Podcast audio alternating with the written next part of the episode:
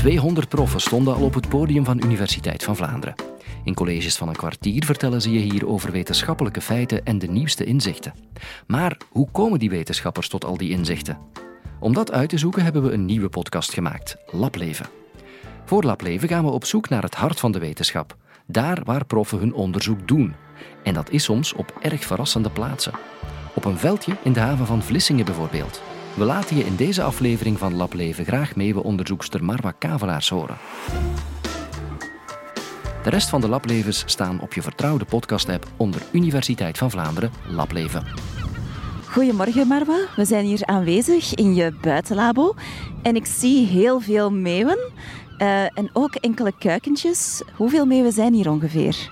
Nou, op dit veld zitten ongeveer 2 à 300 uh, meeuwenpaardjes en hun kuikentjes op dit moment. Maar in de haven op zichzelf zitten denk ik 2 à 3000 uh, meeuwen. Ja, we zijn hier dus niet tussen de duinen op het strand. Dit is een beetje een atypische omgeving. Ja, we zitten hier dus in de haven van Vlissingen. En dat is eigenlijk een heel industrieel gebied. Dus er zijn hier allerlei eh, chemische fabrieken. En daarachter uh, is de steenkolenopslag. En daar is de kerncentrale. Dus het is niet zo mooi, maar het heeft toch wel zijn charme, vind ik zelf. Ze zitten hier eigenlijk alleen te broeden, maar hier is verder geen eten. Dus voor het eten gaan ze voornamelijk het land in. Uh, naar fabrieksterreinen, andere fabrieksterreinen of uh, ja, de stad of het strand. Je bent onderzoeker aan Universiteit Antwerpen en je onderzoek richt zich specifiek op meeuwen. Nu, wat onderzoek je precies? Ik uh, ben geïnteresseerd in de ouderlijke zorg bij de kleine mantelmeeuw. En voor meeuwenouders kost de zorg voor een kuikens heel veel tijd en energie. En het zou daarom interessant zijn als we zoveel mogelijk van de zorgtaken bij de partner neer kunnen leggen, zodat ze meer tijd overhouden om in zichzelf of in hun toekomstige nageslacht te investeren. Maar als allebei de ouders te weinig doen, dan loopt het natuurlijk ook niet goed af met die kuikens. En daar moeten ze een, een ja, vorm van samenwerking vinden, zodat ze over hun hele leven verspreid zoveel mogelijk kuikentjes kunnen grootbrengen. En in mijn doctoraat uh, focus ik dan specifiek op die samenwerking en hoe ze daartoe komen door bijvoorbeeld hun communicatie. En hoe onderzoek je dat precies? Ja, zo gauw de meeuwen beginnen met broeden, ben ik eigenlijk ook hier. Als ze een nestje beginnen te bouwen, begin ik hun op te volgen. En dan, uh, als ze eenmaal de eieren bebroeden, plaats ik camera's bij het nest. En met behulp van die videoopnames doe ik dan gedragsobservaties. En daarmee kan ik dan zien welke ouder op het nest zelf zit, uh, hoeveel tijd ze samen zijn, maar ook of ze bijvoorbeeld communiceren. En op die manier probeer ik dan een beeld te krijgen van die samenwerking rond de eieren. Maar dan weten we nog niet wat er buiten het nest gebeurt. En daarom plaats ik ook kleine GPS-zendertjes op allebei de ouders. En daarmee kan ik dan niet alleen zien waar ze naartoe gaan, maar ook wat ze daar bijvoorbeeld doen. Dus zijn ze eten aan het verzamelen voor hun kuikentjes? En wat voor eten is dat? Of zitten ze misschien ergens te luieren en laten ze hun partner al het werk doen? Dus met de cameraatjes zie je dus echt wat de meeuwen precies aan het doen zijn op elk moment met de kuikens. En uh, met de GPS-trackers kun je zien waar dat ze naartoe gaan vliegen. En uh, naar waar vliegen ze naartoe? Uh, nou, vooral naar uh, ja, landbouwgebieden. Dus dan gaan ze wormen eten bijvoorbeeld. Maar ook veel de stad in. Of bijvoorbeeld naar slachthuizen. En daar halen ze dan slachtafval. Maar de meest favoriete bestemming van onze meeuwen is eigenlijk een chipsfabriek. Helemaal in het zuiden van België. Daar vliegen ze 80 kilometer naartoe. En ik weet niet wat ze daar eten. Aardappelrestjes of schilletjes of zo. Uh, maar kennelijk is het het waard om helemaal daar naartoe te vliegen. Maar ze weten dus eigenlijk wel waar ze naartoe moeten vliegen. Ze zijn heel doelgericht dan. Ja, het hangt er vanaf per meeuw. Dus sommige meeuwen die zoeken meer en die gaan eerst naar één stukje en dan naar een ander stukje. Uh, maar sommige meeuwen die vliegen gewoon rechtstreeks naar die chipsfabriek. En daar spenderen ze dan een paar uur en dan vliegen ze weer helemaal terug. Dus de meeuwenkolonie die vliegt niet als één groep naar één plek en die komen ook niet terug samen hier aan? Nee, absoluut niet. Uh, eigenlijk zijn het allemaal individuen en uh, doen ze allemaal hun eigen ding. Ze zijn heel competitief, dus als de ene paardje opvliegt, dan nemen de andere ouders daar soms gebruik van en dan doden ze de kuikens van de buren bijvoorbeeld. zodat er meer ruimte overblijft voor, voor hun eigen kuikens. Dus het, het groepsgevoel is eigenlijk enkel nuttig voor andere roofdieren, maar onderling zijn meeuwen eigenlijk wel een beetje venijnig. Ja, dat klopt. Het is uh, voorgekomen dat, uh, dat ik een kuikentje was aan het wegen en die begon over te geven. En toen kwam er een heel ander kuiken uit. Dus een soort cannibalistische kuikens. dus, uh, ja. Je onderzoekt dus de ouderlijke zorg van meeuwen. Zou je daar iets meer over kunnen vertellen? Nou, met die videoopnames die ik heb gemaakt, zien we eigenlijk dat het alle kanten op kan gaan. Het kan het mannetje zijn uh, die het meeste doet of het vrouwtje. En in veel gevallen ook uh, dat ze ongeveer evenveel doen. En mijn resultaten wijzen er dan ook op dat als ze bijvoorbeeld veel communiceren, ze hun zorgtaken evenwichtiger verdelen. En als ze dan ongeveer evenveel doen, maken ze, of ja, brengen ze kuikens voort die in een veel gezondere en betere conditie zijn. Dus in die zin is die samenwerking heel belangrijk. Zou je kunnen zeggen dat alle meeuwen samenwerken? Of zie je zo soms onderlinge verschillen? Ja, nee, we zien inderdaad dus wel heel veel verschil tussen koppels. En, uh, dus dat soms echt het mannetje bijna alles doet of het vrouwtje bijna alles. Het verschilt heel erg. En dat heeft natuurlijk ook een impact op de kuikentjes zelf. Ja, dat klopt. Dus als, uh, als ze heel ongelijkwaardig hun zorg verdelen, dan, dan loopt het meestal niet goed af met hun kuikens. Hoe kun je dat zien? Uh, nou, ik volg ook die kuikens op. Dus ik, uh, zo gauw die ja, eieren uitkomen, dan meet ik die elke twee dagen. Dan meet ik hun hoofd en hun beentjes, hoe lang die worden. En ook weeg ik die. En dan aan de hand daarvan kan ik eigenlijk vergelijken tussen al die verschillende ouders. En wat voor soort verschillen zijn het dan? Dus kuikentjes die niet zo'n goede zorg hebben gehad, die zijn dan kleiner of wegen dan minder? Ja, die zijn meestal wat dunner en kleiner en die sterven vaak ook. En als ze het wel overleven, volgen ze dan hetzelfde patroon als hun ouders? Dat weten we nog niet, want uh, zo gauw de kuikens volwassen zijn, vliegen de ouders eigenlijk naar uh, Afrika of Spanje om daar te overwinteren. Maar de kuikens komen pas vier of vijf jaar later terug naar een kolonie om zelf te beginnen met broeden. Dus het is heel lastig om erachter te komen wat die vogels doen als ze eenmaal volwassen zijn. Het duurt 1 à 2 jaar voordat de meeuw een partner heeft gevonden om een kuikentje mee uit te broeden. Wil dat zeggen dat ze heel selectief zijn? Ja, en er zijn natuurlijk ook heel weinig meeuwen beschikbaar omdat ze heel monogaam zijn. Dus ze moeten wel kunnen zien of er wel een andere meeuw is om een, om een nestje mee te bouwen. Dus meeuwen zijn monogame vogels voor hun hele leven? Als het kan wel. Dus als, uh, als het echt heel slecht gaat, dan zie je wel een soort van scheidingen. Uh, maar meestal doen ze dat niet. En dat is voor mij dan ook heel interessant, want ik kan dan, omdat ze elk jaar terugkeren naar dezelfde plek, dezelfde koppeltjes volgen. En die dan meerdere jaren bestuderen. Hoe selecteert een meeuw een partnermeeuw? Ja, dat weet ik eigenlijk niet.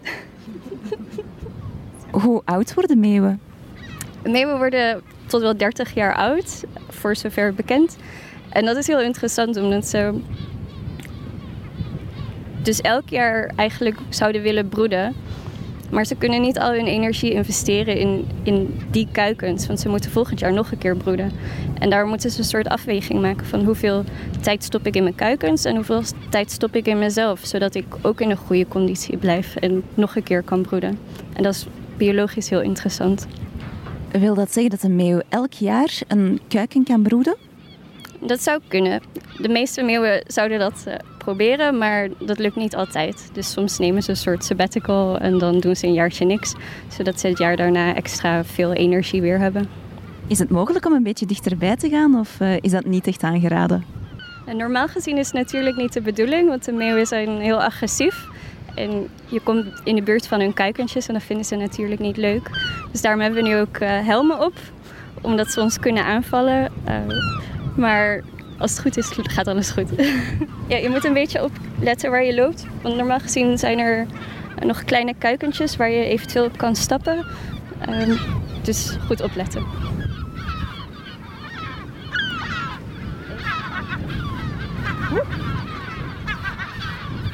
Is dat een eitje? Of was het een eitje? Uh, nee, dat is uh, voedselrestje. Oh. Zo. Dat zijn schelpen en krabbetjes en zo. Oké, we zijn nu op zoek naar een enclosure. Dat is een soort uh, klein stukje dat is afgezet met kippengaas. En daarin zitten dan de kuikentjes uh, die wij dan volgen. En tijdens je onderzoek kon je gewoon naar die enclosure gaan, naar dat afgesloten stukje met die kuikentjes, zonder probleem. Nou, we worden wel aangevallen door de ouders, maar afgezien daarvan zijn er geen problemen. En uh, op welke manier worden we aangevallen? Uh, ze gaan op je afvliegen en uh, soms kotsen ze op je. Dus dan vliegen er allemaal frietjes opeens langs je. Of soms poepen ze ook. Dus het kan wel dat je geraakt wordt door de poep.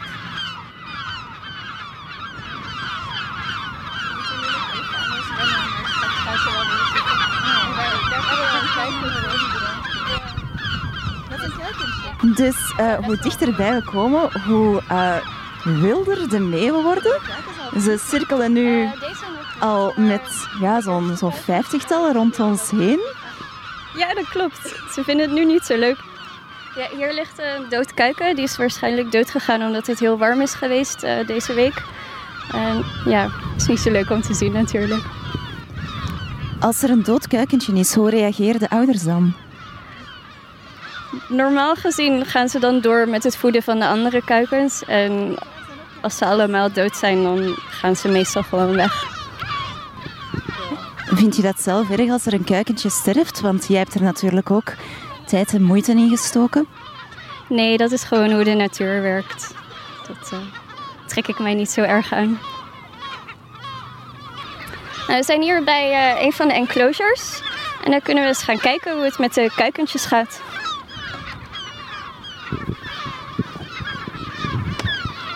Dus achter een buisje zien we dus een heel...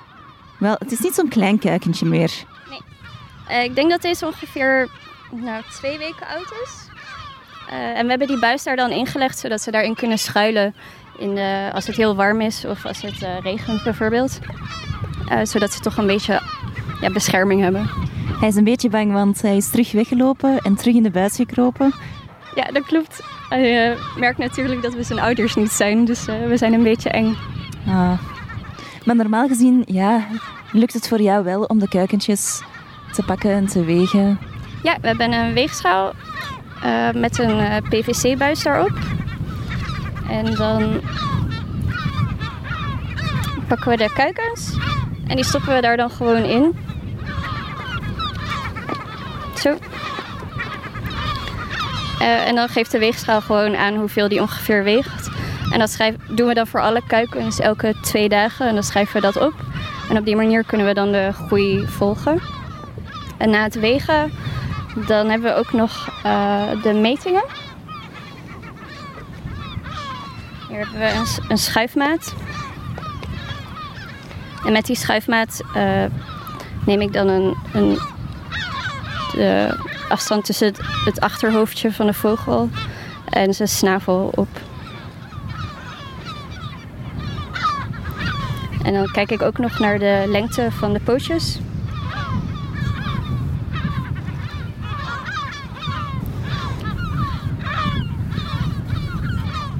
En dan is het vogeltje weer klaar. En dan mag hij weer terug uh, in de buis of waar hij het liefste zit. En hoe is het met dit kuikentje gesteld? Ik heb het idee wel redelijk goed, hoewel die aan een kleine kant is. We zullen hem misschien met rust laten, want ik denk dat we hem uh, bang maken. Ja, we hebben hem lang genoeg gestoord nu. En waar zijn zijn ouders nu? Waarschijnlijk hier boven ons. die vogel die vooral dat geluidje daar maakt, die merkt dat hij een beetje ja, gestrest toch wel is. Dus die houden ons nu goed in de gaten. Ja, het scheert hier recht steeds lager en lager. Ja, dus als wij weggaan, dan zal hij waarschijnlijk terugkomen. Ja, dan komt hij weer uh, gewoon bij zijn kuikentje zitten. Nu, we staan nu toch ruim uit de weg, maar de vogels blijven precies wel uh, aanvallen. Ja, deze is heel agressief, hè? Die komt echt op ons af. Maar uh, kennelijk zijn we toch nog in de buurt van een nestje. Misschien moeten we dan toch nog eventjes wat verder verplaatsen. We hebben zo net een kuikentje gewogen en gemeten. Wat gebeurt er nu met die gegevens? Ja, ik voer die dan allemaal in op de computer. En dan ga ik vervolgens die gedragingen van de ouders terugkoppelen aan die groei van de kuikens. En dus het reproductieve succes van de ouders. Uh, ja, normaal gezien zit hier een, een meeuw met een zender. Uh, maar zijn kuiken zijn deze week dood gegaan omdat het zo warm is. Dus het is even zien of we die nog kunnen vinden op dit moment. Die, die zenders die uh, plaatsen we, moeten die meeuwen dan vangen. Plaatsen we een, een soort kooi over het nest heen. En daar lopen ze dan in en dan gaan ze gewoon door met broeden. Dus in eerste instantie hebben ze eigenlijk niet door dat ze gevangen zitten. En dan, ja, dan pakken we die en dan doen we daar een soort rugzakje omheen. En op dat rugzakje zit dan een zender. En die neemt elke drie minuten een, GPS-fix. Dat wil zeggen dat we dan zien waar die precies zijn. En tegelijkertijd zit daar een accelerometer in. En die volgt de bewegingen van de vogel. En aan de hand daarvan kan je een soort van gedragsclassificaties maken. Dus of ze bijvoorbeeld zijn aan het vliegen, of aan het stappen, of eten. Nou, ik ben nu nog uh, ja, vol in de analysefase, dus ik heb nog geen uh, harde conclusies. Maar het lijkt er wel heel erg op dat uh, alle meeuwen echt individuen zijn wat betreft hun uh. Dus je hebt sommige meeuwen die toch nog de zee opgaan om daar eten te halen. Maar andere meeuwen die gaan dus altijd naar dezelfde chipsfabriek. En andere meeuwen gaan bijvoorbeeld altijd op het land wormen eten. Dus dat is wel iets wat we al hebben gevonden. En daarnaast uh, kijk ik dus heel erg naar die, die samenwerking tussen de ouders. En we zien wel dat ze ongeveer evenveel investeren allebei. Dus er is heel veel verschil tussen alle meeuwen onderling. Maar partners doen vaak ongeveer evenveel. Er werden ook uh, videocamera's geplaatst hier. Uh, die staan er ondertussen niet meer. Maar hoe werkt dat precies? Wat kun je dan precies zien? In de fase dat ze eieren hebben, plaats ik een camera op ongeveer 1 meter afstand van het nest. En daarmee neem ik 24 uur lang opnames. En aan die opnames kan ik dan zien welke ouder op het nest zit. En die kan ik dan herkennen aan de kleuringetjes om hun poten. En hoe ze die taakverdeling dan doen. Hoeveel cameraatjes stonden hier? Ik probeerde elke dag ongeveer 10 camera's te plaatsen gedurende een paar weken. Dus dat zijn uh, ongeveer 60 opnames per seizoen. Dat wordt gewoon opgenomen op de camera. Dus ik moet na een dag terugkomen om die camera's op te halen. En dan, als ik weer terug in Antwerpen ben op de universiteit, dan ga ik al die video's bekijken. En dan zie ik dus eigenlijk pas wat er uit die opnames komt. Ja, als je nu door de verrekijker kijkt, dan zie je daarachter een meeuw op het hek staan. En die heeft kleuringetjes om zijn poten. Aan de ene kant een groen ringetje en aan de andere kant een zwart. En daar staat dan een cijfer- en lettercombinatie op. En aan de hand daarvan kunnen we dan zien welk individu dat is.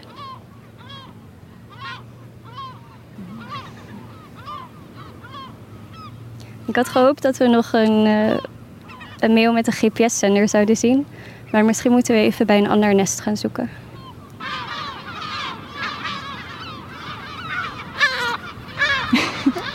Nu, sommige vogels blijven er heel, heel rustig onder. Die zitten gewoon op een veld een beetje naar ons te kijken, maar andere vogels komen heel dichtbij gevlogen. Ja, dat klopt. Dieren hebben ook zo hun persoonlijkheid en sommige zijn wat agressiever dan andere. Er zijn wel veel meer agressieve meeuwen dan uh, rustige meeuwen. Ja. Ik, uh, ik zie daarachter wel nog een vogel met een kleuring. Maar ik kan zijn rug nu niet goed zien. Dus ik moet even wachten om te kijken of hij een zender om heeft. Oh, die kan wel heel dichtbij. Ik denk dat het vandaag niet gaat lukken om een vogel met een GPS-zender te vinden, helaas. Ze zullen waarschijnlijk wel aan het fourageren zijn ergens anders. Of misschien al vertrokken. Ik zie een hele hoop kuikentjes uh, die bijna volgroeid zijn. Sommige kunnen ook al vliegen. Dus ik neem aan dat ze binnenkort gaan wegvliegen en dat deze plek leeg gaat zijn. Ja, precies. Als ze eenmaal groot genoeg zijn om te vliegen, hebben ze eigenlijk geen reden meer om hier te blijven. Dus dan gaan ze vaak naar andere terreinen om daar ja, niet echt verder te groeien, maar ze worden vaak wel nog een beetje bijgevoed door hun ouders. En uh, uiteindelijk, aan het eind van de zomer, zijn ze echt allemaal helemaal weg uit, uh, ja, uit dit gebied. En eigenlijk ook waar uh, het mannetje en het vrouwtje naartoe gaan, dat verschilt ook. Dus soms zal het mannetje bijvoorbeeld naar Frankrijk gaan. Terwijl het vrouwtje dan bijvoorbeeld helemaal naar West-Afrika vliegt. En die komen dan ook weer niet op hetzelfde moment terug. Uh, maar uiteindelijk vinden ze elkaar dan toch weer hier in de kolonie. Dat is eigenlijk ontzettend romantisch. Ja, misschien wel. Want de vogels die dan nu ongeveer gaan vertrekken naar andere oorden, die komen uiteindelijk wel terug naar deze plek. Ja, precies. Dus ook al brengen ze de winter niet samen door, in de zomer zullen ze weer uh, samen een nestje bouwen. Wat uh, hoop je met je onderzoek te bereiken? Het fenomeen van die ouderlijke zorg wat beter in kaart te brengen. En daardoor een beter begrip van de wereld om ons heen te krijgen. Vond je deze Lableven-podcast interessant? Er zijn er nog meer. Te vinden onder Universiteit van Vlaanderen Lableven. En als je er nooit meer één wil missen, abonneer je dan. Niet alleen op de colleges van Universiteit van Vlaanderen, maar ook op Lableven.